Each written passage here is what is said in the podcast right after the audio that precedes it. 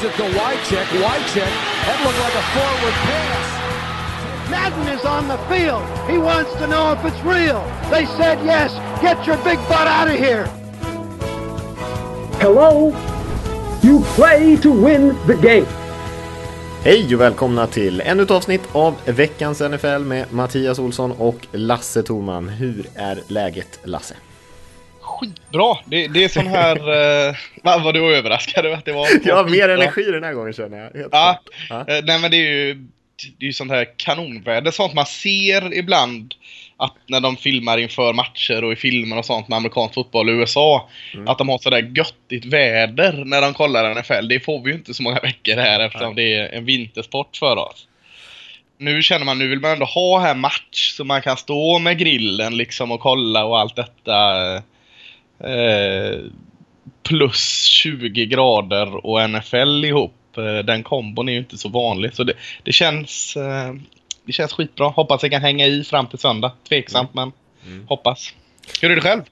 Det är bra. Eh, det har varit ganska mycket nu såklart att kolla på alla matcher här i efterhand. För det var ju så många jämna, bra matcher den här första veckan. Så att man vill ju gärna gå tillbaka och titta lite även de som man inte hann se live. Så jag har hunnit plöja en hel del matcher här nu på kvällarna. Efter jobbet och sådär. Men eh, det har varit eh, jäkligt kul. Jag tycker vi fick en riktigt fin första vecka. Och jag personligen hade väl rätt tur också med vilka matcher jag valde att titta på. Sådär. Ja, skitvecka. Lägger vi den bakom oss. Jag hatar enpoängsmatcher. Ja, det var ju Usch. många sådana. Det var många sådana. Så, eh, Och då kan man inte, nu är det inte bara för att Dallas förlorar, för då, alltså, det är ju jobbigt som du säger, för springer en match iväg så kan man liksom lägga bort fokus från den lite. Mm. Nu kunde man fan inte lägga bort fokus från en enda jävla match. Det var ju... Ja, ja, det är jobbigt, men... eh, Ja, ganska lyxigt problem, men... Nej, Ja, det var en jättebra första vecka såklart. Eh, och jag håller ju på Seahawks som alla vet egentligen, eller de flesta vet säkert, men eh, de spelar ju inte heller speciellt bra, men de vann ju sin match i alla fall. Men jag satt ju och kollade på Packers-matchen och eh, Seahawks-matchen började 22.05. Eh, så det var ju också lite sådär, eh, man vill ju gärna se klart den, så man fick, jag fick ju missa första 5-10 minuterna och sen liksom spola tillbaka på den här Game Pass-grejen så att man liksom kunde se eh, början på matchen då, för man vill ju inte missa slutet på Jags-Packers-matchen där som var extremt jämn. Jobbar du inte med här fyra fönster uppe som man kan ha i NFL Game Pass? är inte min grej det där. Alltså Red Zone och så är inte heller riktigt min grej. Jag, jag vill fokusera på en match i taget. Jag hade ju, eller nu är det ju så skönt på man har sån här Äpple-TV, att man kan få upp den där. Men Mm. innan när det var lite mer koppla in burken och även innan det var man hade en eh, surfplatta att koppla upp. Mm. Så hade jag alltid datorn inkopplad till TVn och då hade jag alltid en match liksom lite utanför bild. Så, så fort det kom upp reklam så var det så här switcha till eh, den matchen och drog in där. Det var ett jäkla projekt. Saknar jag lite. De lite mer... Eh, när man, man fick trixa lite mer. Nu är det så jävla bekvämt allting. Allt är så enkelt. Ja. Ja. Eh, nej, vi, ska, som, vi ska köra lite nyheter idag Lasse, men det är inte så mycket egentligen. Och sen så ska vi gå tillbaka och kolla lite vad som hände från den här första veckan. Eh, inte lägga supermycket tid på det, för det var några dagar sedan nu. Men ändå lite grann på det som var intressant, för det var som sagt väldigt många bra matcher. Eh, sen ska vi köra lite av den här eh, debattsegmentet vi har kört också. Eh, köra lite för och emot diskussion på en specifik fråga och vi ska kolla framåt mot eh, vecka två. Sen har vi massor av bra lyssnarfrågor också i slutet. Eh, och så ska vi kolla lite på, på collegeveckan också. Eh, Så det är ett ganska tajt schema som vanligt. Så vi kör igång egentligen och en av de stora grejerna som vi alltid tvingas prata om är ju skador. Och det har ju varit ett, ett gäng allvarliga skador och de som står ut kanske är Keenan Allen, receivern i Chargers, Brian Cushing, inside linebacken i Texans och Robert Griffin III som eh, är quarterback i Browns. Russell Wilson hade jag skrivit upp här också, men hans skada är inte lika allvarlig som de andra tre där. Inte vad vi vet i alla fall. Nej. Är det någon som står ut där som eh, du särskilt reagerar på? Eh, det borde jag göra kanske, ja. Gron Gronkowski Ja, Gronk betyder så... alltså. Bety ja, du sa inte Anna va? Nej. Eh, betyder så eh, väldigt mycket så att uh, den är jag lite nyfiken på att se. Keenan Allen var ju jätteviktig såg man ju hur San Diego började matchen mot Kansas och hur de avslutade utom honom. Och, ja, det är klart det är bra, bra att spela Cushing är också bra. RG3 kanske inte är bra men nog så viktig position. Men nej, jag tycker Gronkowski, eh, nu lyckas de ju vinna utan honom och utan Brady så den maskinen går ju inte att sätta stopp på. Men ja, eh, känns som ändå tungt avbräck både utan Gronkowski och Tom Brady. Ja, det är det ju såklart. Eh, för mig är det nog Keenan Allen som är den, eh, den största hjärtekrossaren här på något sätt. Han har, hade ju haft skadeproblem tidigare också och nu missar han hela säsongen här. Jag läste någon galen stat där att eh, Philip Rivers hade, quarterbacken där i Chargers, hade han passar för i snitt 90 yards mindre per match som Keenan Allen inte har varit med jämfört med han har varit med, vilket är helt absurt. Säkert lite slump i det också, men eh, han är ju, var ju extremt viktig för dem, skulle jag säga, Keenan Allen. Eh, och de har ju inte en bra bredd på den positionen heller. Nej, men det är lugnt. Nu har de ju touchdown-maskinen där, Melvin Gordon. Jag dunkar innan. Två per match. Han kommer, Kommer han över 40 år tror du? 40 touchdowns. Två per match, ja fan vad gott snitt. Det kör vi på. Uh, vi har en liten annan annorlunda nyhet där. Marshawn Lynch, uh, före detta running backen i, Seahawks, uh, har varit med Bear Grylls. Jag vet inte om du har sett honom i den här, det här när han släpps ut i naturen och så ska han visa hur man överlever i naturen. Det är ett fantastiskt program. så jag tog med den bara för att det är två av mina favoritpersonligheter på tv. Ja, nej, inte sett alls. Nej, nej. Eh, så om man vill se eh, Martian Marshall Lynch ute i skogen och, och, lära sig hur man överlever i naturen så, så kan man eh, kolla på det. Eh, Saints har släppt eh, sin running back CJ Spiller. Eh, ganska oväntat, det var mycket positivt snack om honom och eh, kanske mer intressant är egentligen att nu Saints, de har ju ett par spelare på, i sin, som inte längre är kvar i truppen som de fortfarande betalar lön för för att det var lite ja, missriktade investeringar eller vad man ska säga. Så nu är de uppe i hela 40 miljoner dollar i, i pengar som de betalar för spelare som de inte har tillgängliga helt enkelt. En, en ganska galen siffra. Man kunde kunna ha gjort eh, vettigt med de pengarna istället för att de ligger där och bara tickar på. Ja, det svider. Det svider. Ja, det är slarvigt på alla jäkla sätt från alla mm. håll. Eh, att inte det uppdagas mer eller tas upp eh, mer ofta är konstigt för det är en herrans massa pengar. Ja, väldigt många bra spelare. Mm. Och det är ju väldigt stora problem där i Saints eh, ledning med tanke på att man deras eh, general manager som är liksom anställd för, för, för det jobbet och framförallt kanske sköter pengadelen. Han jobbar ju för Pelicans också i NBA och har lite andra jobb sådär. Eh, så man undrar ju lite var hans eh, fokus ligger och sen så har vi ju Sean Payton då som är kanske mer av en coach-typ, ingen riktig general manager-typ och man har haft lite sjukdomsfall och sådär bland ägarna och grejer. Eh, så lite sådär uppe i luften och det känns som att ingen riktigt har tagit ansvar där i New Orleans tyvärr. Och nu sitter man ju på en kanske lite sämre trupp än vad man skulle behöva ha gjort. Det är väl den staden i ett nötskal skulle jag säga. Det, det, den, pass, den passar väldigt bra in där den ligger, organisationen Saints. Man festar lite på kvällen, man tänker inte så mycket på morgondagen. Ja, men liksom en korrumperad stad där ingenting funkar och man tar det, ah, det blir nog bättre imorgon mentalitet. Ja. Känns väl ganska mycket New Orleans Saints också. Eh, ja, eh, och det var egentligen alla nyheter vi hade där Lasse, för du har inte sett någonting annat som du har funderat på? Det har jag eh, antagligen gjort, men eh, det är som du säger väldigt mycket som snurrar i ens huvud nu så att eh, vi, vi, sätter någon form av eh, slutpunkt på den delen. Där det var. Ja, och vi, det tänker vi att vi kommer väl in på några av de här grejerna när det gäller matcherna, några av de andra sakerna. Och vi kan väl gå tillbaka och börja kolla lite grann på vad som hände egentligen första veckan här. Eh, vad, vilka matcher såg du? Var, var började du någonstans på 19-matchen där? Jag började i Nashville, Minnesota, Minnesota mot eh, Tennessee. Mm. Eh, sen så blev jag alldeles för nyfiken när det kom in sån här game breaker report från andra matcher. Så det blev lite veligt med mitt kollande. Men, men eh, den, den kollade jag mestadelen av. Eh, var ingen jättematch tycker jag inte. Det var, jag ska inte säga att det var slöseri med en match men eh, eh, det är inte mycket att rapportera om. Slarv, bra start från Tennessee. Slarv gjorde att Minnesota vann. Eh, försvaret kändes bra, men inte så mycket mer. Bra receivers. Adrian mm. Peterson, mindre bra. Mm. Ja, eh, jag såg Packers Jaguars här första matchen. Jag tyckte det var jättebra, jätteunderhållande så. Jaguars såg eh, mycket förbättrade ut, i alla fall försvarsmässigt. Och även Packers spelar faktiskt rätt bra försvarsmässigt. Trots att det blev väldigt mycket poäng i den Ja, här det. matchen så, så tyckte jag att försvaren spelade relativt bra, särskilt i springförsvaren. Eh, och det var ju Blake Bortles och Aaron Rodgers där som gjorde rätt eh, galna grejer. Man konverterade bland annat tre raka fjärde downs i Jaguars, alla till eh, Allen Robinson eh, på pass.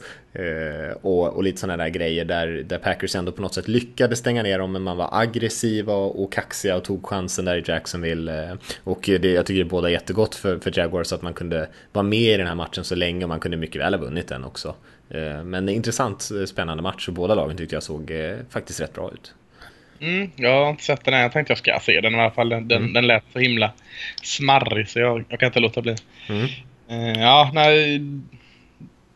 NFCs derbyt såg jag det sen. Giants och Dallas. Uh, Mm.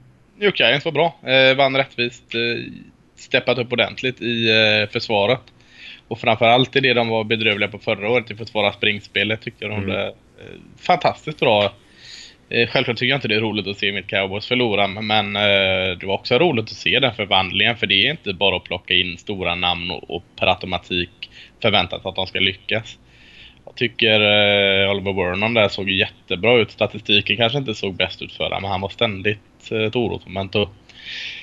Dallas O-line, bra. Jag förväntar mig mer av dem. Hade jätteproblem. De fick inga hål åt eh, uh, Sequel Elliott. Så eh, nej, jätte, jättefint. Jag har dem poppar upp till favorit eh, i divisionen. Så bra tyckte jag det såg ut. Mm.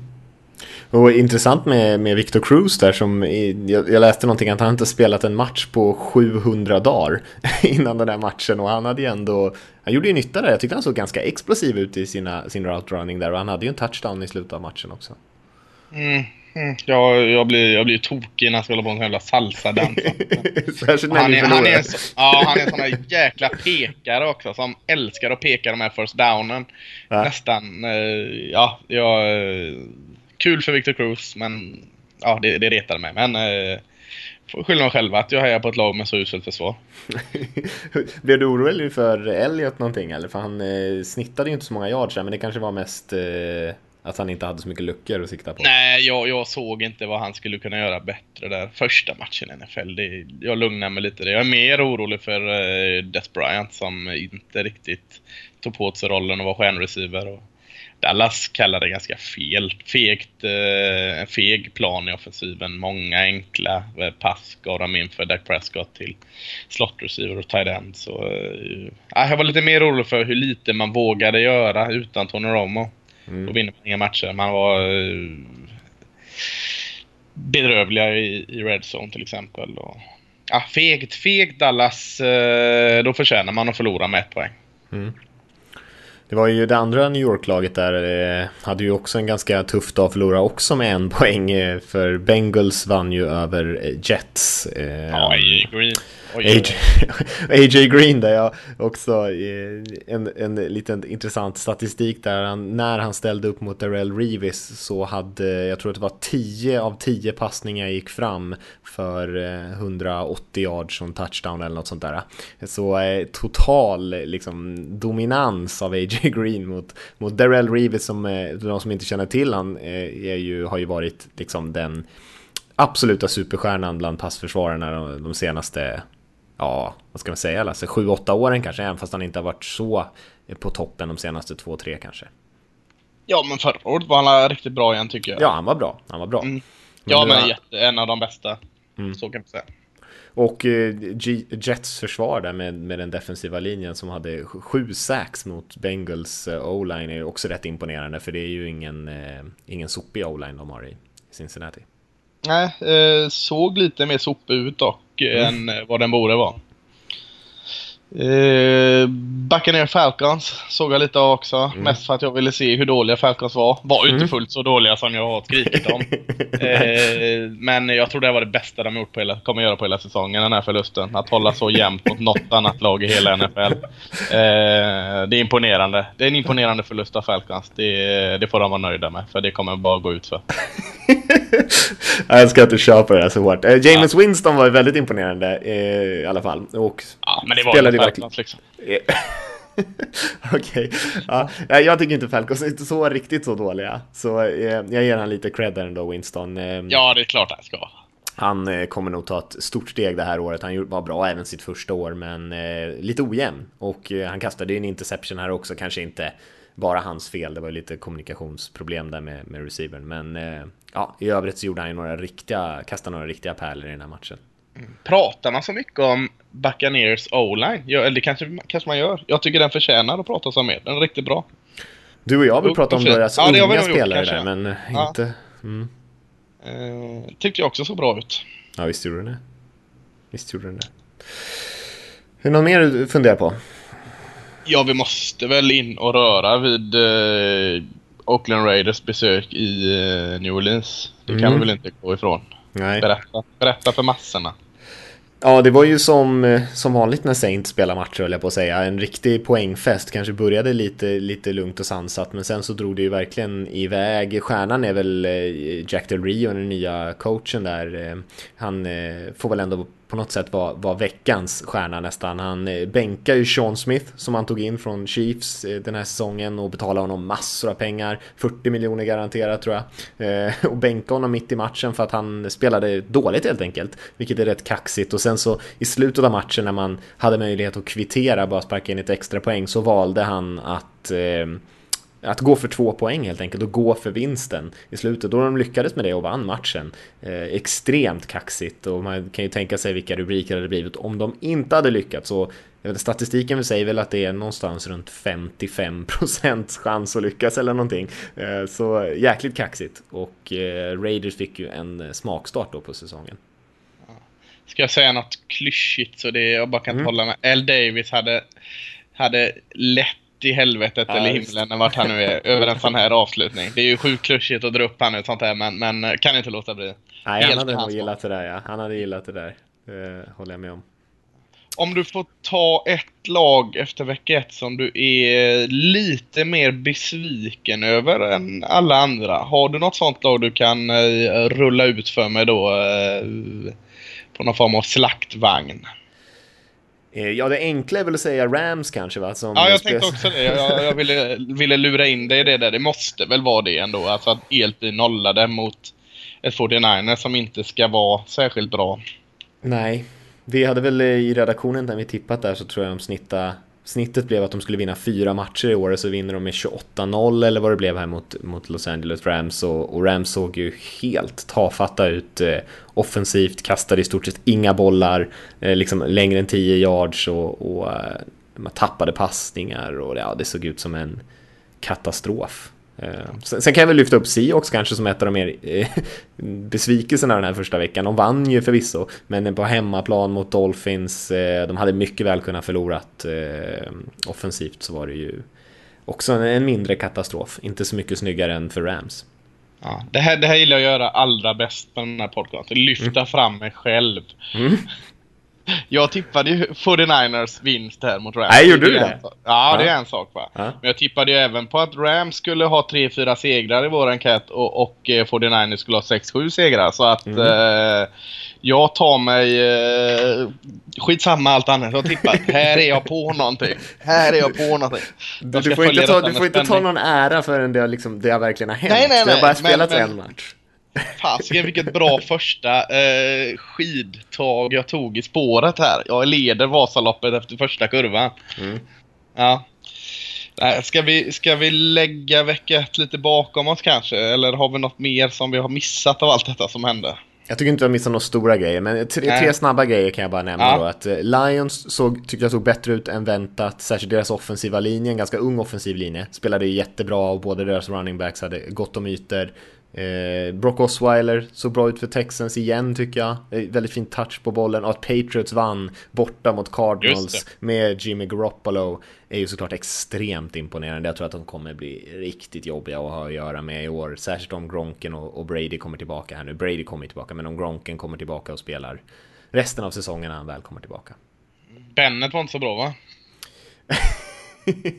han stod Nej, kanske jag, inte jag ut, frågar, jag påstår inte. Jag har inte, har inte koll. Han är inte Gronken om man säger så. Nej, nej, bra. Nej. Tack. Det värmer. Eh, ska vi lämna det där tycker du Lasse, eller hade du något mer? Ja. Nej, vi lämnar det. ja. Tycker du vi ska köra vår lilla debatt nu eller tycker du att vi ska vänta tills efter vi har kollat på andra veckan? Nej, jag kan inte hålla mig. Vi kör den nu. Ja, No. Yes. No. Yes. No. Yes. Yes. No. How about yes? How about no? I'd rather you say yes. No. Yes. Uh, Murray? Not now. I'm just in the middle of a debate, Greg.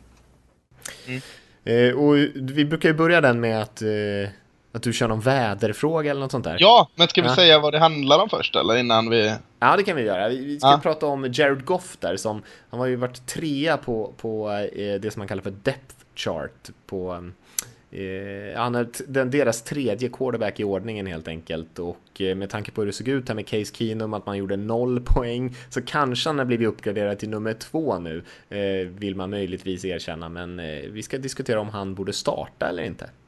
Mm. eh, Och det var ju en fråga vi fick av vem då? Gustav hette han. Ja, just det. Som Och- var inne på detta. Så vi, istället för att svara på din fråga så tyckte vi vi, vi höjer upp den och kör debatten. Ska Jared Goff starta? Mm. Eller ska han eh, sitta kvar på bänken? Och vi kan ju Eh. nämna då att Jared Goff eh, valdes eh, nummer ett i draften i år. ja, precis. så om man inte visste det. Så, precis. Mm. Och är quarterback. Men det, det sa vi väl 12 gånger. Ja. Eh, eh, så här är det. Nästa NFL-match är New York Jets mot Buffalo Bills eh, Mm. i eh, Buffalo, delstaten New York.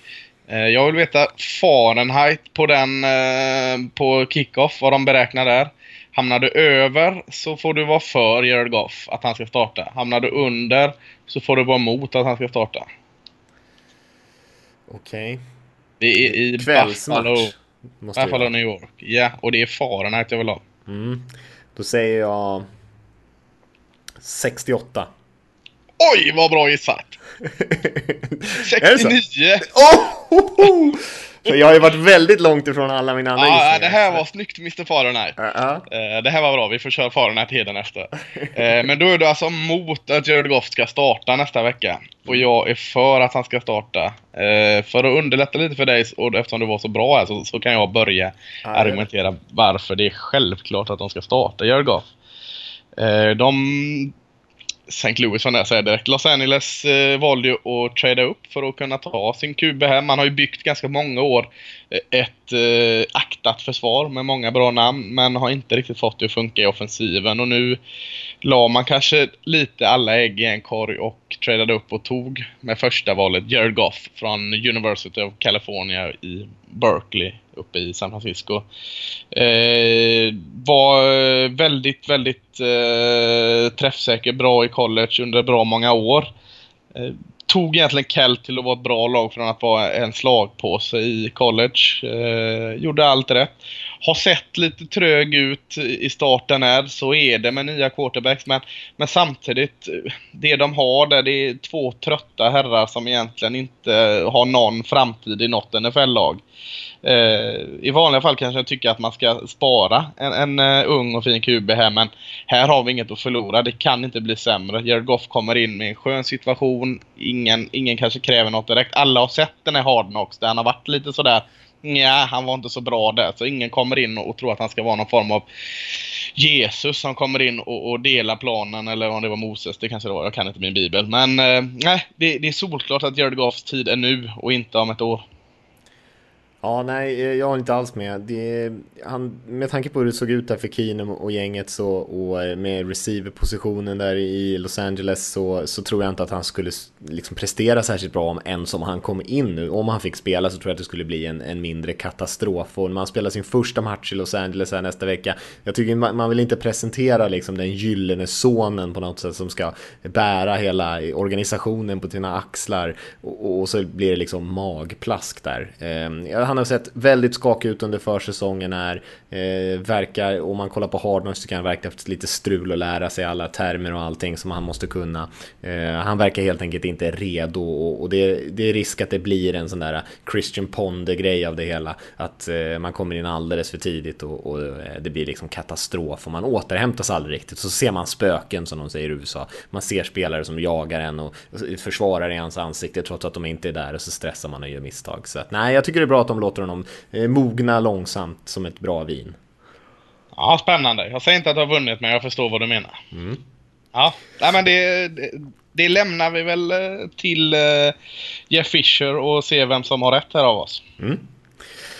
Eh, om vi ska titta på vecka två då Lasse. Eh, Vad, vi kanske inte ska riva igenom alla matcher den här veckan. Eh, men det finns ju några som är lite mer intressanta än andra. Och jag tror att både du och jag eh, tror, tycker att eh, AFC North-derbyt där med Cincinnati Bengals som hälsar på hos Pittsburgh Steelers klockan 19 är en rätt spännande match ändå. Ja, verkligen. Det är en tydlig och tidig divisionsfinal tycker jag allt. Jag, efter helgens matcher så har jag absolut inte ändrat uppfattning. Snarare tvärtom. Att jag känner mig mer trygg. Bengals vann ändå ganska knappt mot, mot uh, Jets. Uh, tyckte deras o inte såg riktigt bra ut. Eh, eller bra, de såg inte lika bra ut som förra året. Och man räddades väldigt mycket av monstret AJ Green receiven där. Jag, jag, jag vet inte, men, men, men lite så var det med Pittsburgh också mot Washington. Man, man, man eh, dundrade på i offensiven. Man hade väldigt mycket saker med sig. Alltså eh, turer på sin sida om man säger så. Försvaret tycker jag såg eh, betydligt bättre ut i Steelers än vad det har gjort tidigare. Ryan Shazier är ju... Ja, han tar steg för steg och blir en riktigt dominerande spelare i ligan. Eh, men ja, vad, vad, vad känner du så spontant? Har du någon solklar favorit du tycker eller? Eh, bland de här två lagen? Ja, Ehm, det är i Pittsburgh ska vi säga också. ja. Nej, det har jag nog inte faktiskt. Eh, jag skulle nog jag ge Bengals en liten fördel om det hade varit på en neutral plan här. Eh, men på hemmaplan så tror jag så har Steelers en liten, liten fördel. Eh, så jag skulle nog tippa Steelers i den här matchen ändå. Just för att de har den där offensiven som, som man kan lita på för det mesta. Och jag tycker den här linjen har ju bara gått från klarhet till klarhet. Det som var kanske deras svaghet tidigare. Eh, Men det ska bli riktigt kul att se. Vi har ju två av NFLs bästa receivers. Du var inne på det där AJ Green i, i Cincinnati Bengals och så har vi Antonio Brown i, i Pittsburgh. Eh, som är två spelare att verkligen hålla koll på. Och sen, Ja. eh, sen är det ju den här hemmafördelen som, som jag tycker är väldigt viktig här. Eh, intressant ändå, för båda de här lagen känns ju som att de är klara favoriter i AFC North. Eh, jag tror att båda kommer gå till slutspel. Eh, de här typen av derbyn när de möter varandra i divisionen är ju kanske det som kommer att avgöra vem som får spela på hemmaplan genom slutspelet och sånt där. Och det kan vara väldigt viktigt i slutändan. Precis, det, fin- det finns en del eh, eh gottigheter att lyfta fram med denna. Alltså, eh, jag ska inte säga match i matchen, men något åt det hållet. Alltså, ben Roethlisberger och Antonio Brown versus Andy Dalton och AJ Green. Vem, vem går segrande ur den, den segern? Eh, alltså, eh, Jimmy Logs QB och första receiver. Det, det ska bli väldigt roligt. Båda hade ju riktigt fina, eller båda, alla fyra ska jag säga, hade riktigt fina matcher senast. Eh, tror det kan vara stort avgörande även som har en bästa dagen där. Annars är det en sån här, eh, ytterligare en klyscha. Alltså, det är, är en sån match som, som avgörs på linjen. Alltså, då- vi har två bra o Jag tycker Steelers o är bra också. Det pratas inte så mycket om den. Och, eh, två ändå okej defensiva linjer. Eh, känns som typiskt en sån match som, som kan avgöras på linjen. Vem kan böka upp lite för att ge running backen en chans? Eh, Eh, nej, det ska bli, ska, ska bli spännande. Tänkte lite kolla, jag tänkte i alla fall kolla lite extra på eh, Jan, Daniel Williams i, i running backen i Pittsburgh som var en av de bästa running backsen vecka ett tycker jag väl ändå. Utan att ha sett alla matcher så kändes han precis lika bra som han var när han steppade in för Bell förra året. Eh, det här var mot Washington som inte har ett så bra eh, fungerande springförsvar. Hur blir det mot Cincinnati Bengals som är betydligt tuffare i den biten. Tänkte jag slänga en extra, extra öga på. Och även Andy Dalton. Nu slipper han ha den här uh, Jets dealen, fantastisk dealen, i, i, eh, rätt upp i ansiktet varje gång han ska kasta bollen.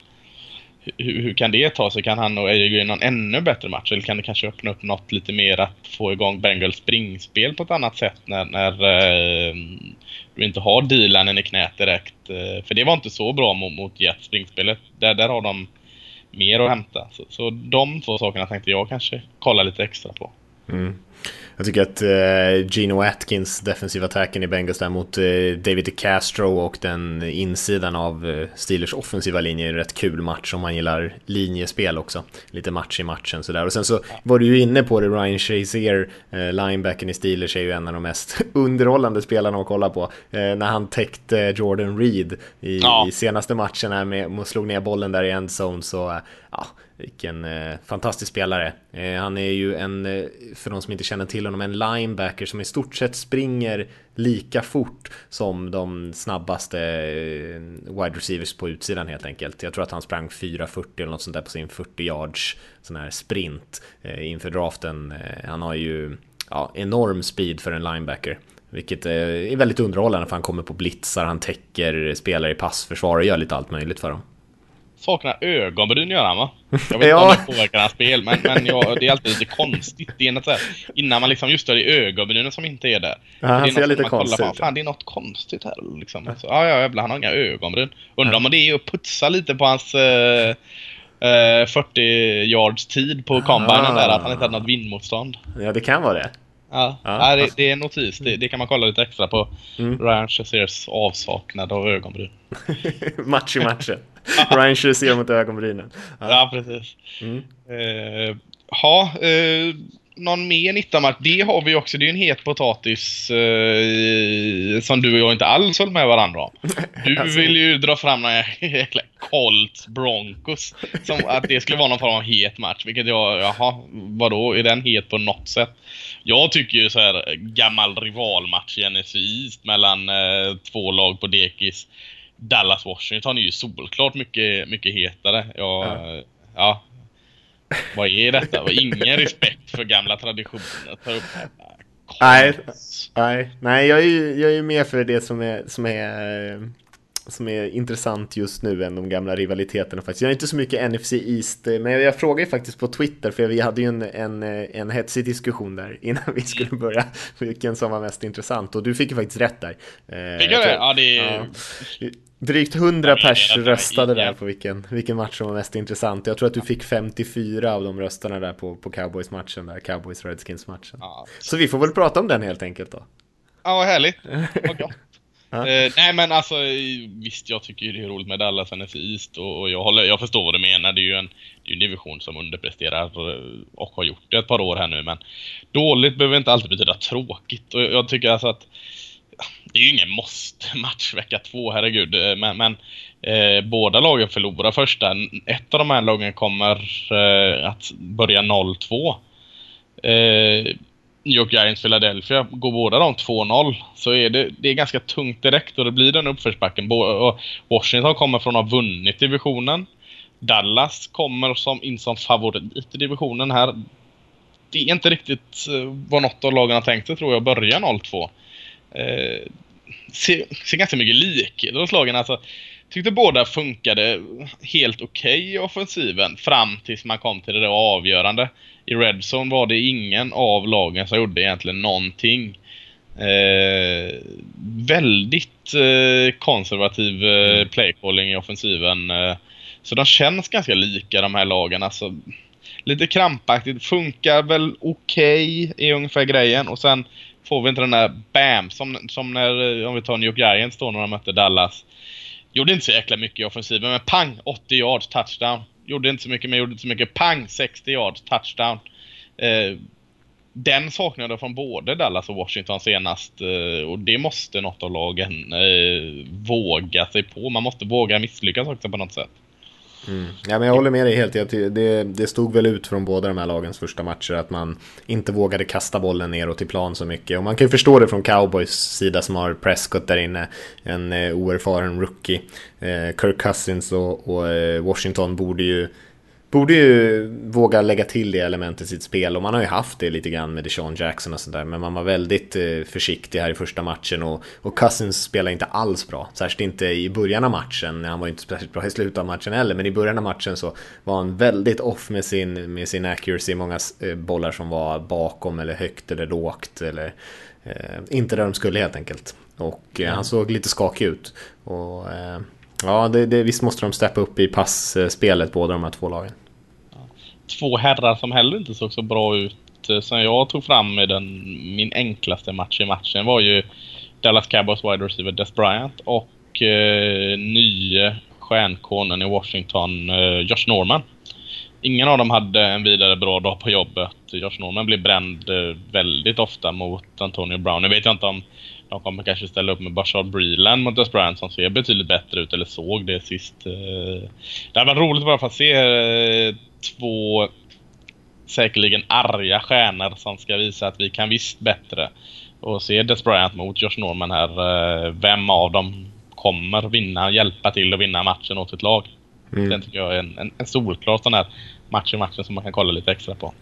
Ja, vi får se lite grann hur Washington väljer att göra där. De eh, flyttade ju inte runt sina eh, corners så mycket senast utan då gjorde ju att de lätt kunde bestämma vad de ville ha Brown i Steelers om de ville ha honom på, på Norman eller Breland eller sådär. Eh, och se om de börjar följa eh, Bryant över planen sådär. Eller om de väljer att hålla sina sidor lite grann.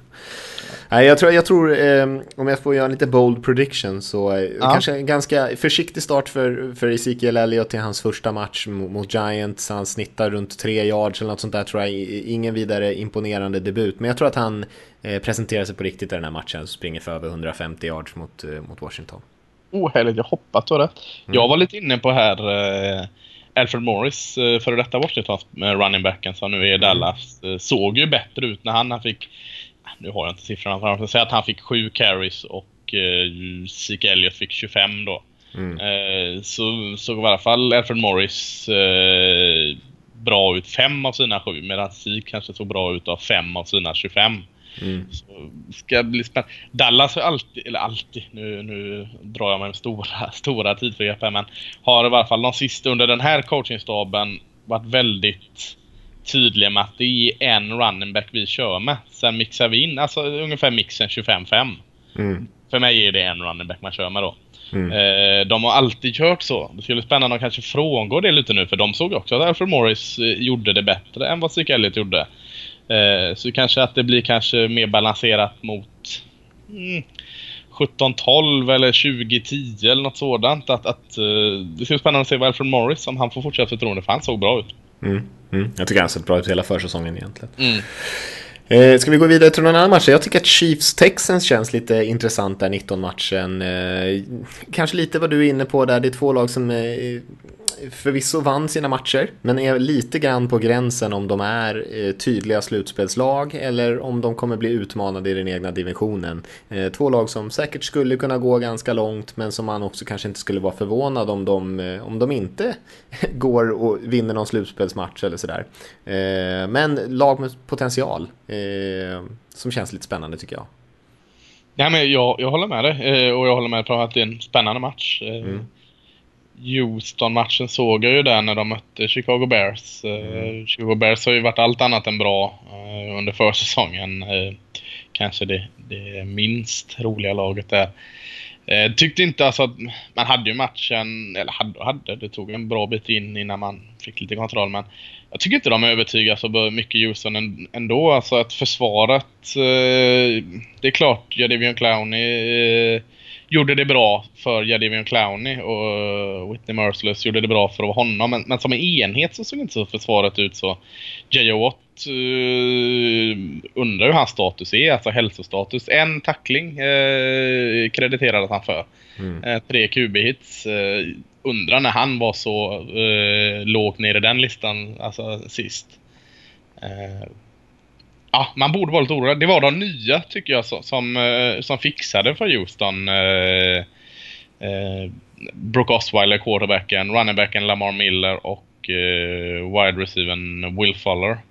Eh, rookien där från Notre Dame. Eh, det var de, de som vann den här matchen för Houston och det var lite de jag var frågande till innan säsongen att jag höll igen lite för min tro på Houston. Just de här tre att jag kanske tyckte att de det är en garanti att de ska lyckas bara för att de hypas. Men, men det ska jag kolla lite extra på den här matchen. Just om de kan fortsätta leverera eh, firma Osweiler, Miller, Fuller. Eh, får de där dessutom igång DeAndre Hopkins och, och försvaret som borde prestera bättre.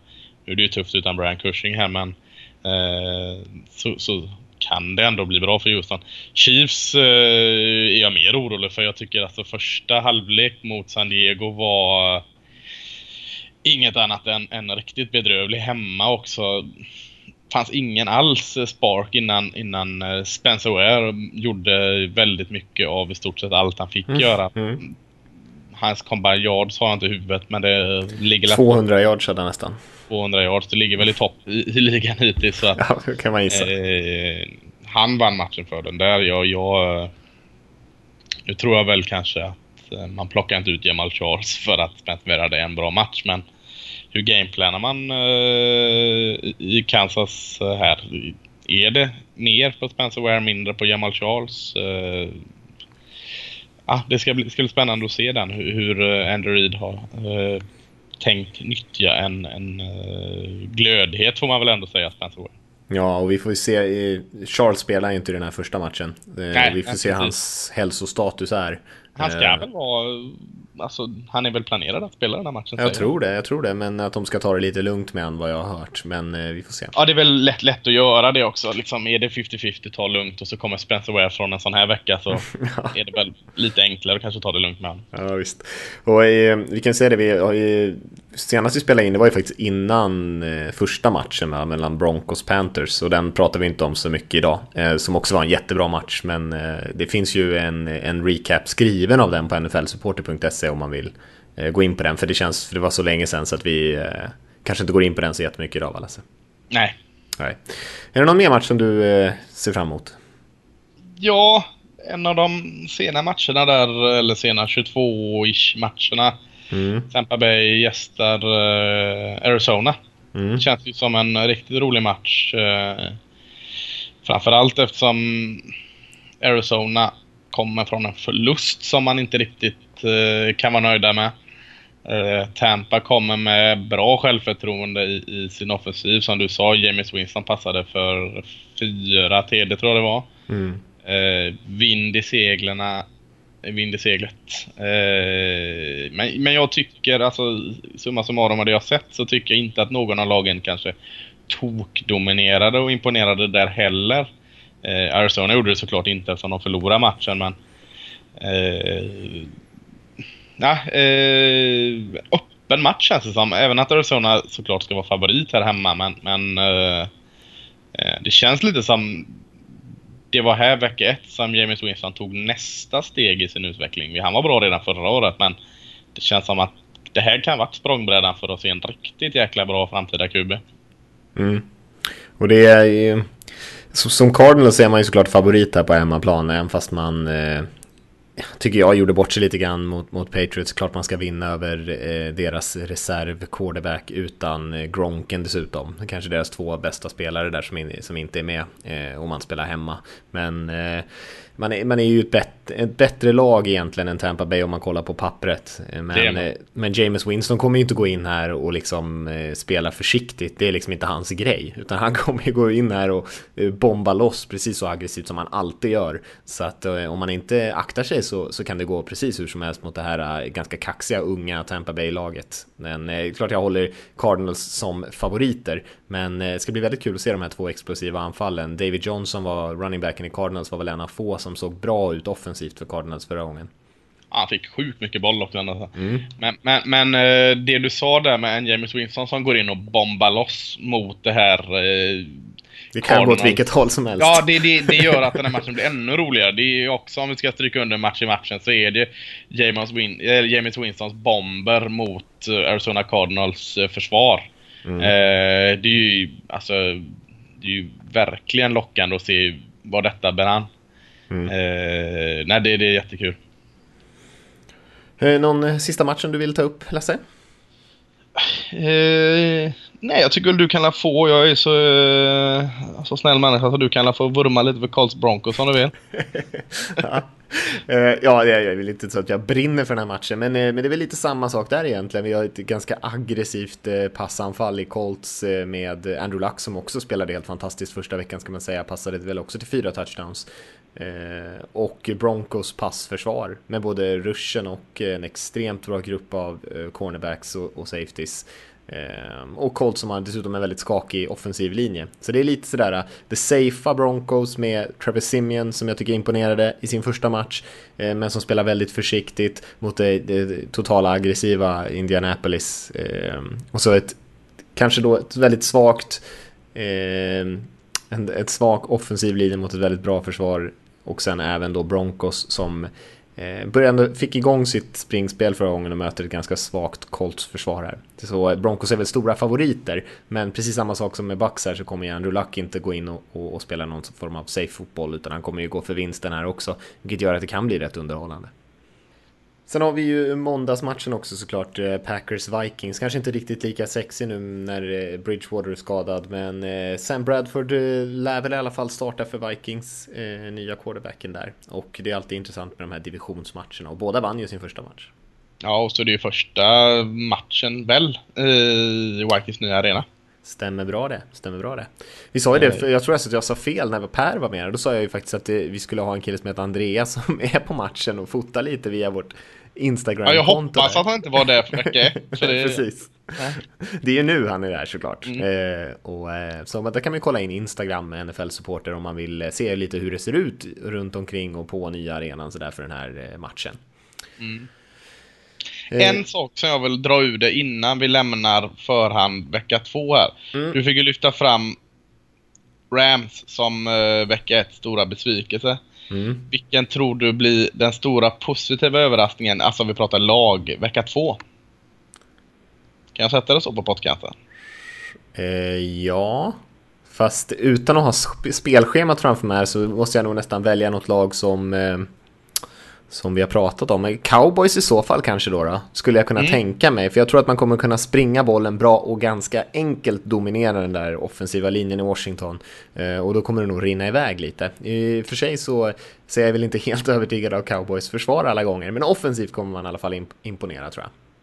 Och det mm. kan bli en sån där match som vi såg från Dak Prescott i, i försäsongen. Att det kanske inte är så mycket wow-grejer. Men någonstans slutar han ändå på så här 65-70% i completions och tre touchdowns eller något. Just för att han får mycket tid och så.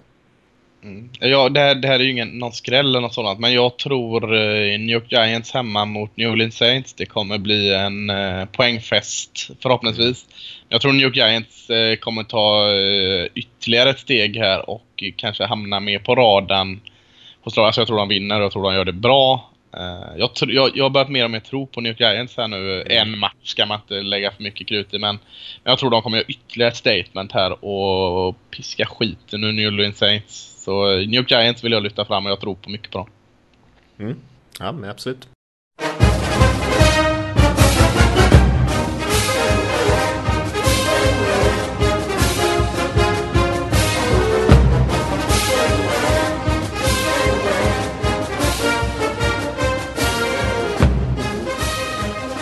Kika lite på, på collegeveckan Lasse? Vad, vad har vi där att se fram emot? Uh, en, en hel uh, jäkla del. Mm. uh, nej, vi, vi är inne i vecka tre i college. De är lite före. Uh, det har varit två väldigt uh, tokiga första veckor med, med tippade favoritlag som har förlorat jag tror jag hade när jag skrev i tidningen och även på sidan kanske jag hade LSU skulle vinna hela balletten och eh, Oklahoma, Florida State och Michigan var med i slutspelet. LSU åkte på förlust direkt. Oklahoma åkte på förlust direkt. Så eh, Florida Michigan har än så länge eh, eh, vunnit som tur var. Men, men eh, det är så här, Georgia och Clemson hade stora problem, alltså två stora skolor mot mindre skolor. Oklahoma State förlorar mot Central Michigan. Och det, det är en del av, av uh, college som jag tycker är så fantastiskt. När den här lilla jäkla skolan, vi, vi pratar alltså om, uh, i, i högsta divisionen i college pratar vi om 128 skolor. Lägg det till alla från lägre divisioner som också är inne och spelar så skiljer det ju för, eh, förståeligt så mycket mer än vad det gör i NFL där alla är hyfsat jämnbra. Men kommer den här lilleskolan och, och sätter Oklahoma State på röven så det är ju fantastiskt. Det är sådana här Askungen-sagor i stort sett varje vecka. Eh, så det, det är rörigt. Men, men, den här veckan som kommer har vi eh, ett gäng grymma matcher. Eh, klockan sex på lördag har vi Florida State eh, åker till Louisville. Eh, Louisville har Eh, en QB som har varit helt jäkla fantastisk i Lamar Jackson. Eh, Vissa börjar skrika Cam Newton direkt. Det, det gör man ofta. Men, men eh, har dominerat totalt sina två matcher. Varit allting. Det ska bli en rolig match mot Florida State som är en, en, en stor skola. Du har eh, lite senare har du Alabama som åker och möter Ole Miss.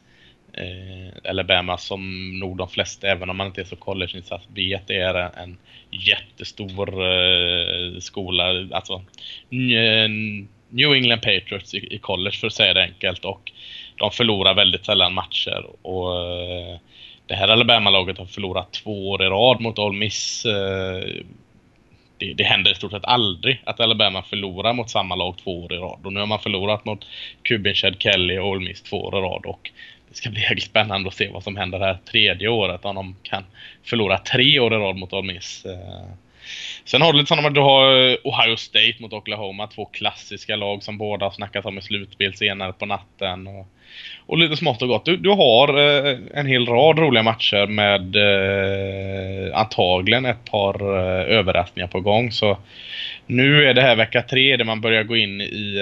Eh, man har gjort klart de här två första veckorna med, med kanske möter lite svagare motstånd och kanske, kanske någon öppningsmatch som är flashig. Nu går man mer in i vardagen i sin konferens och division och, och de matcherna är ju jätteviktiga för att inte halka efter i divisionen. Så, så nu kan man säga kanske lite att nu, nu, eh, nu tar det fart i college. Så det, det är fullt schema fram till ni sätter på NFL på söndag. Vad kul att det är lite match i rimlig tid där. Som eh, FSU-matchen där klockan sex till exempel på lördagen är ju, går ju att liksom se utan att man eh, behöver gå under för det. Ja, precis. Det är ganska skönt. Även 21.30 är ju, alltså det är ju en lördag. Förhoppningsvis så kan man lite sovmorgon på söndagar innan man, man Går till kyrkan eller? Ja, precis. Eller gå till släktkalas eller vad man gör. Så att man kan i alla fall klämma in två matcher eh, live. Eh, ganska enkelt. Eh. Så nej, nej, det är ganska skönt att man... Man behöver inte komma med rödsprängda ögon till, till jobbet eller med college. Du, du kan få lite matcher på lördagskvällen. Eh, ska vi köra lite frågor? Vi har ett helt gäng frågor eh, och vi säger alltid det. Eh, skicka in era egna frågor till eh, podcast at nflsupporter.se kan ni mejla in frågor och ehm, vi börjar väl helt enkelt uppifrån här. Vi har en fråga från Peter som skriver Hej, tack för en bra podd. Har kollat NFL i några år och har en fråga kring varför vissa lag är bäst. Och det här är ju en ständig diskussion Lasse som man, som man ofta hör från folk som inte hänger med eh, 100%. Ja, även för de som hänger med. Ja, även för de som hänger med. Men eh, ni pratar ofta om att lag har fönster när de kan vinna. Eh, men det gäller inte alla lag. Nu tar jag Patriots som exempel. Ett av de stora lagen i NFL de senaste 15 åren och som varje år har en chans att vinna Super Bowl. Varför pratar man inte om ett fönster där? Varför kan just de vara med och slåss om det varje år? Det kan knappast bara handla om pengar. Då skulle ju Cowboys vara med varje år. Handlar det om att man lyckas få upp Brady som varit en av ligans genom tiderna bästa quarterbacks? Handlar det om tränarstaben? Om man jämför med fotbollen här i Europa så handlar det i stort sett allt om pengar. Ju mer pengar du spenderar desto bättre blir laget. Men med lönetaket i NFL så sprids ju de bästa spelarna ut. Är det så att inte alla NFL-klubbar slår i lönetaket? Varför kan inte vissa klubbar vara med och konkurrera om en Super Bowl-plats varje år och andra inte? Eller varför kan vissa och andra inte? Skriver Peter. Så en jättebra fråga, tycker jag. Ja, jättebra. Eh, Och han svarar ju på delar av det. Det han misstänker eh, stämmer ju ganska bra här. Eh, Om vi tar Patriots då.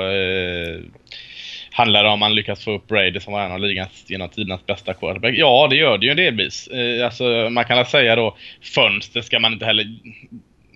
Ibland gäller fönster, ibland inte. Det är lite... Jag har väl sagt det ganska ofta att det här är deras fönster. Ibland...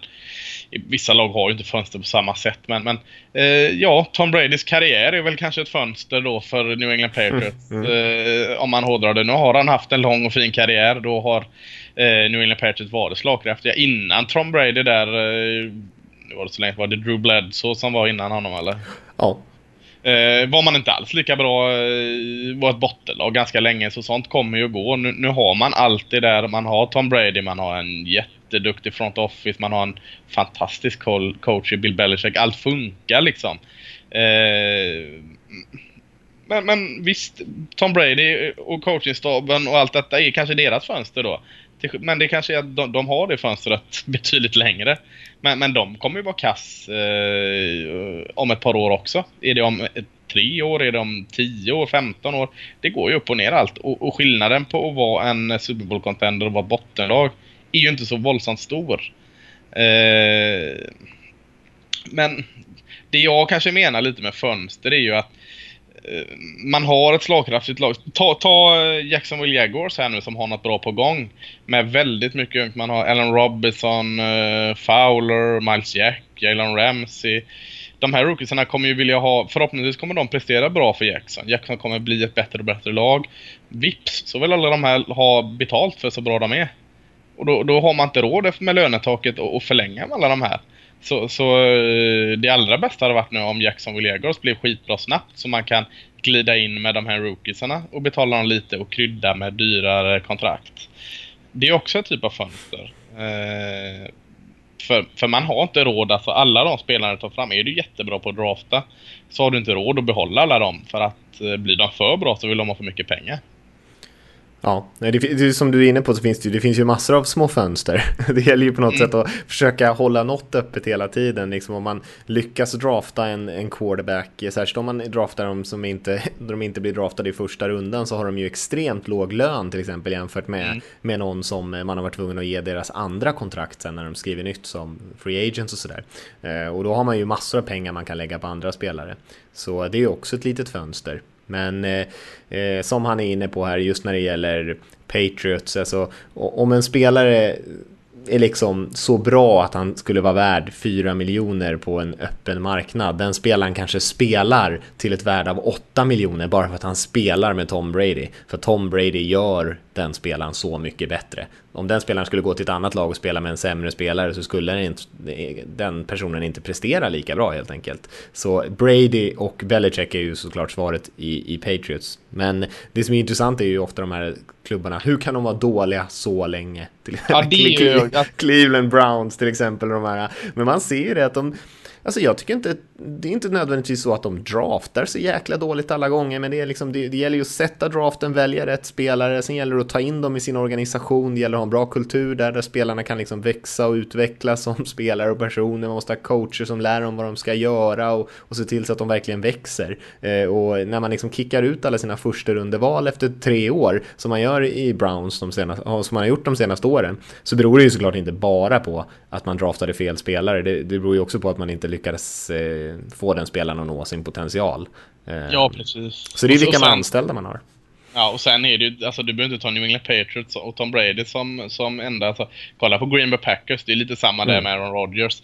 Eh, visst, man kan drafta hur bra hur länge som helst, men alltså QB, QB-situationen, den, den går inte att eh, höja för högt hur viktig den är.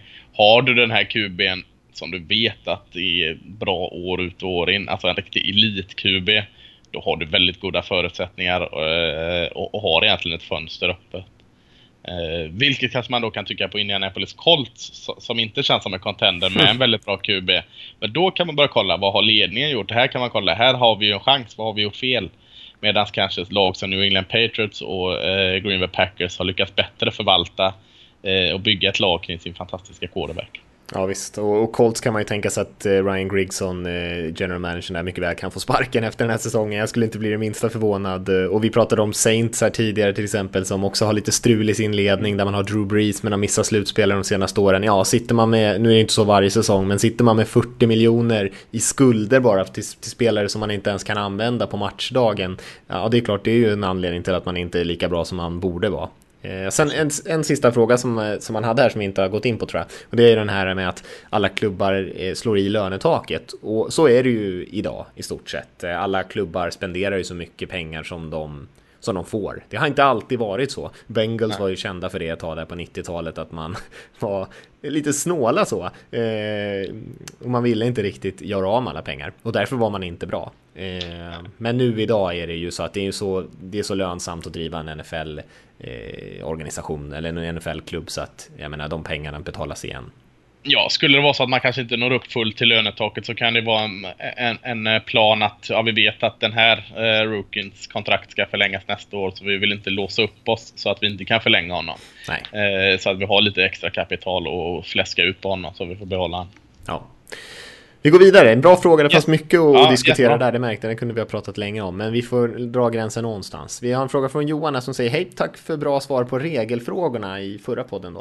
Eh, Nu till en annan fråga. I Sverige och allsvenskan är ju en ständigt pågående debatt om naturgräs versus konstgräs. Hur ser den debatten ut i NFL? Är det något som diskuteras överhuvudtaget? Vad föredrar spelare och tränare? Undrar Johan. det, är- det är ju lite skillnad, eller det är ju väldigt stor skillnad eftersom eh, planen i alla fall, även att det inte händer ofta nog, är att bollen ska rulla i, i Allsvenskan eh, och inte gå i luften lika mycket. Vilket då styr om eh, tempot blir olika på en naturgräsplan och konstgräsplan och fysiska spelet blir annorlunda. I NFL är det ju mer än att, att du springer på eh, ett konstgräs eller en vanlig gräsmatta. Vilket inte, det är självklart att det är skillnad, men, men jag tar mig själv som exempel. Jag har spelat både på konstgräs och naturgräs. Eh, och tycker det är ganska lite skillnad. Det, det gör inte så mycket. Alltså, så länge du inte spelar på någon leråker så, så är, det, är det väldigt lite skillnad. Det, det är möjligt att det finns någon form av debatt om detta i NFL också, men ingenting som eh, det läggs allt för mycket krut på. Nej, och eh, jag kan bara instämma där. Det är klart det är skillnad på liksom, om man slår en lång boll i den europeiska typen av fotboll, eller vad vi ska kalla det. Eh, att hur, hur den liksom landar i gräset och såna här grejer. Det, det är inte riktigt samma sak i, i, i amerikansk fotboll och NFL. Men eh, det som snarare diskuteras är ju det här med eh, domes och inomhusarenor. Eh, Ja, där man inte spelar i elementen. Det är ju många som stör sig på, liksom, att det förstör stämningen, att det är liksom eh, tak på, på arenan och sådär. Eh, Och det diskuterar man ju snarare mer då än underlaget. Man diskuterar ju underlaget tidigare när konstgräs var som konstgräs var när du och jag var, var unga Lasse. När det snarare var betong med en, med en, liksom en matta på. Eh, Hinner jag det- klämma in en, en kort anekdot här eller? Jävligt roligt tycker jag det i alla fall. Eh, Göteborg spelade eh, för herrans massa år sedan på Heden som är en centralt eh, belagd eh, plan i Göteborg. På en sjukt dålig konstgräsmatta. Eh, satt inte fast ordentligt och, och hall, så här, hal. Man kände underlaget. Det var som att stå på en matta egentligen i vissa ställen. Men så var det sån jäkla snyggt spel. Kuben lurade på en play action. Alla var helt borta. Han lobbade ut den till receiven. Han hade bara rak väg att gå. Och så gjorde han en tramp och BOOM! Så kom konstgräsmattan upp och sänkte honom. Han trampade på ena ändan, så åkte den andra ändan upp. Och bara totalsänkte honom. Tacklade honom. Eh, det, var, det var jävligt snyggt. Det var så snyggt spel men han blev sänkt av konstgräsmattan.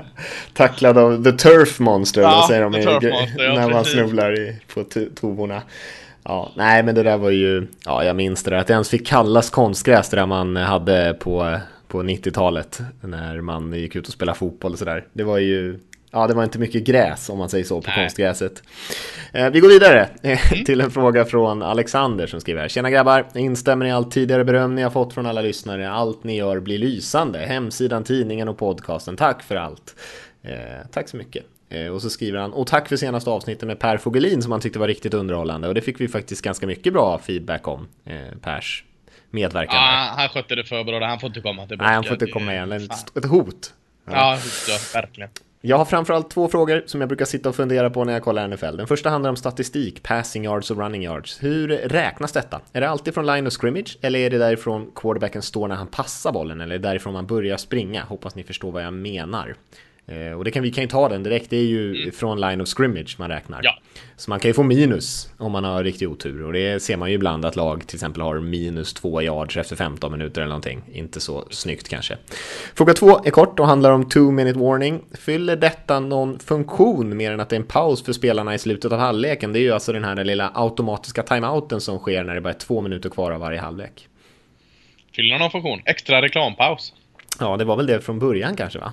Eh, vill jag tänka, vill jag ändå minnas på något sätt att det var någon tv på hit. Mm.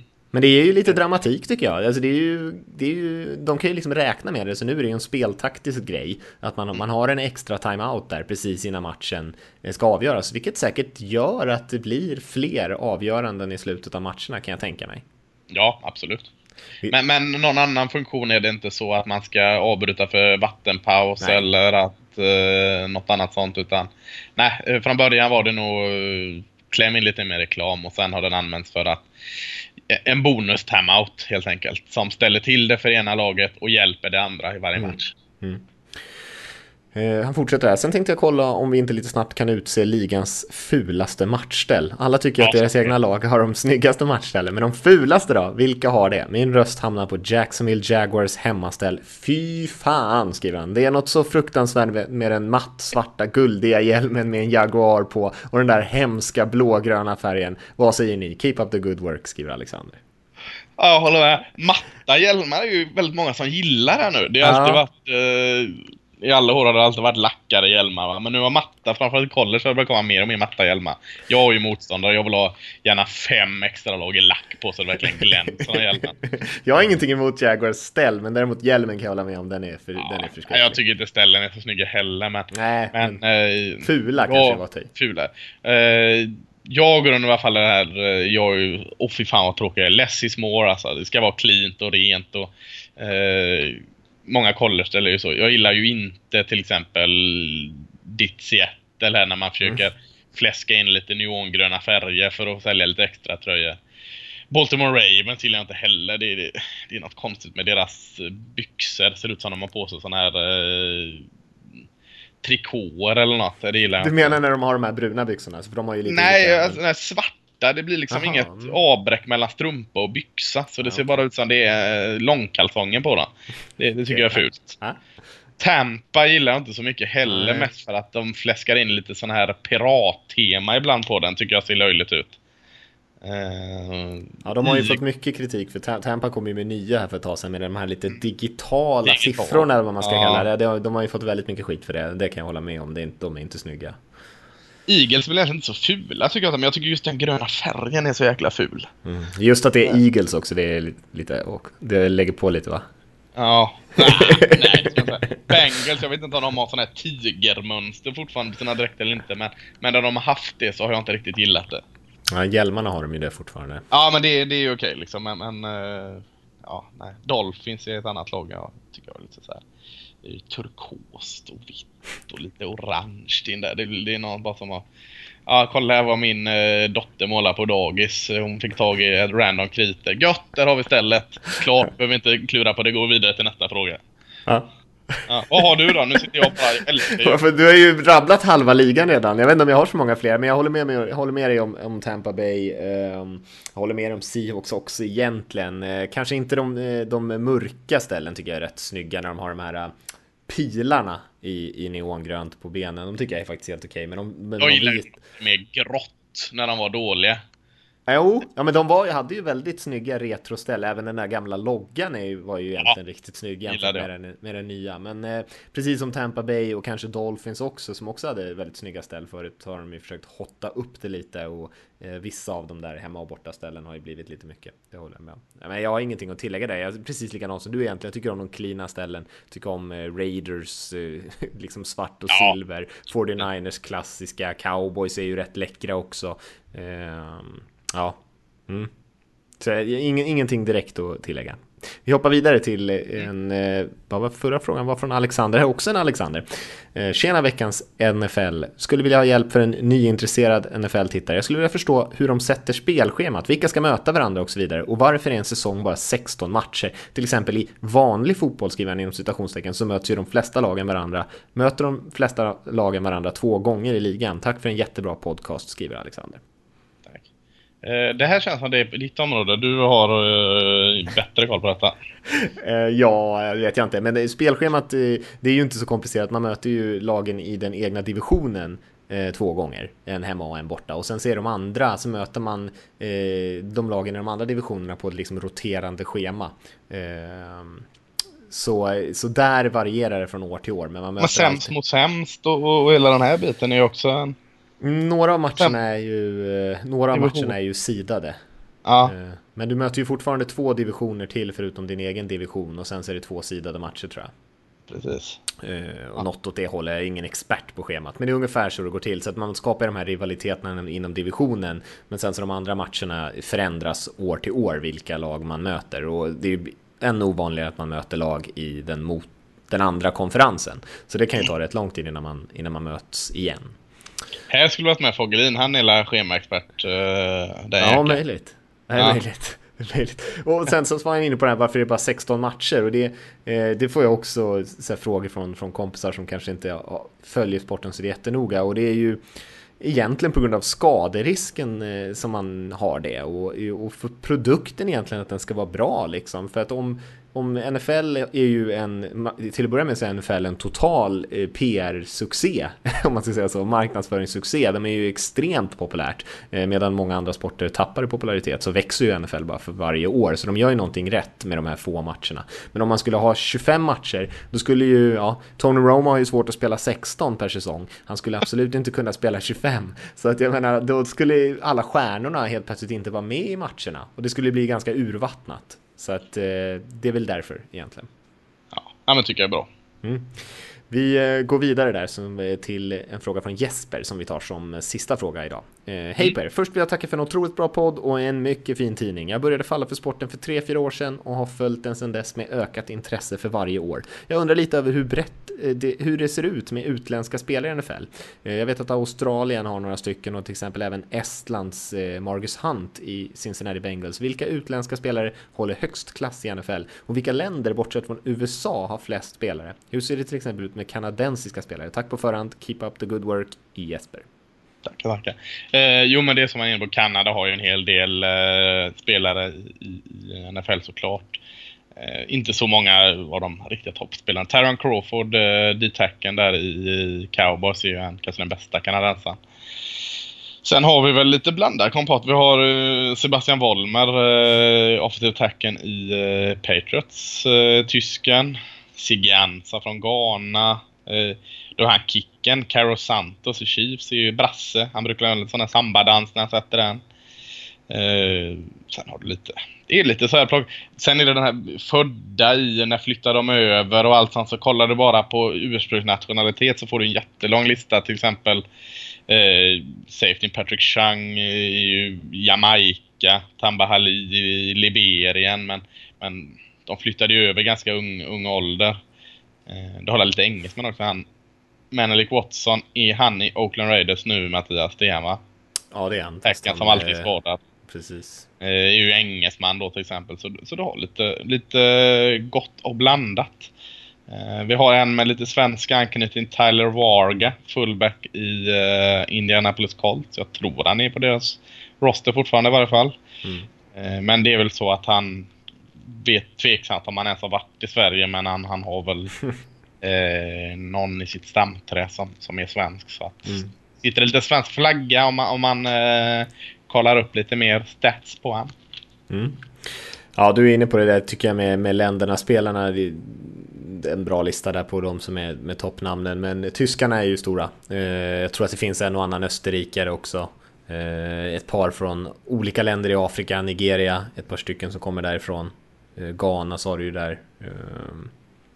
Ja, och sen är det ju inte sådär, det är ju faktiskt en ganska liten andel eh, internationella spelare i NFL jämfört med till exempel NBA eller eh, eller kommer jag inte ens på vad baseballligan heter. MLB. MLB, MLB eh, Men det, det är intressant och vi har ju haft med lite svenska spelare som har varit över och varit på träningsläger och sånt där i den här podden och har ju diskuterat det bland annat.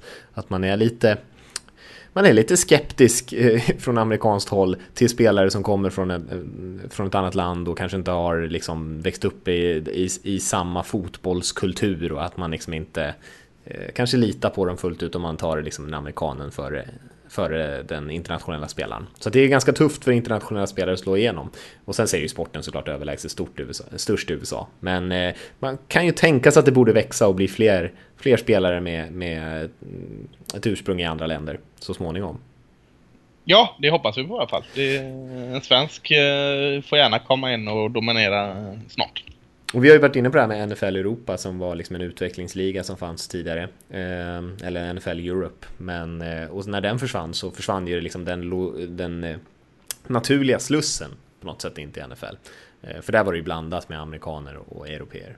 Så eh, tills man hittar någon sånt igen så, så kommer det nog vara den här ganska tuffa vägen via en framgångsrik collegekarriär som man får ta in. Ja, jo, mm. precis. Tackar för den frågan. Tackar för alla frågor. Eh, bra frågor. Och eh, som sagt, podcast at nflsupporter.se om ni vill skicka in er egen fråga. Hjälp oss gärna sprida podden och sånt där. Fortsätt gå in på hemsidan nflsupporter.se och läsa lite grann. Häng med oss på sociala medier. Eh, men annars har vi börjat ticka iväg här i minuterna Lasse, så vi säger väl nästan så för den här veckan och eh, så hörs vi om en vecka igen. Det gör vi. Ha det bra allihop.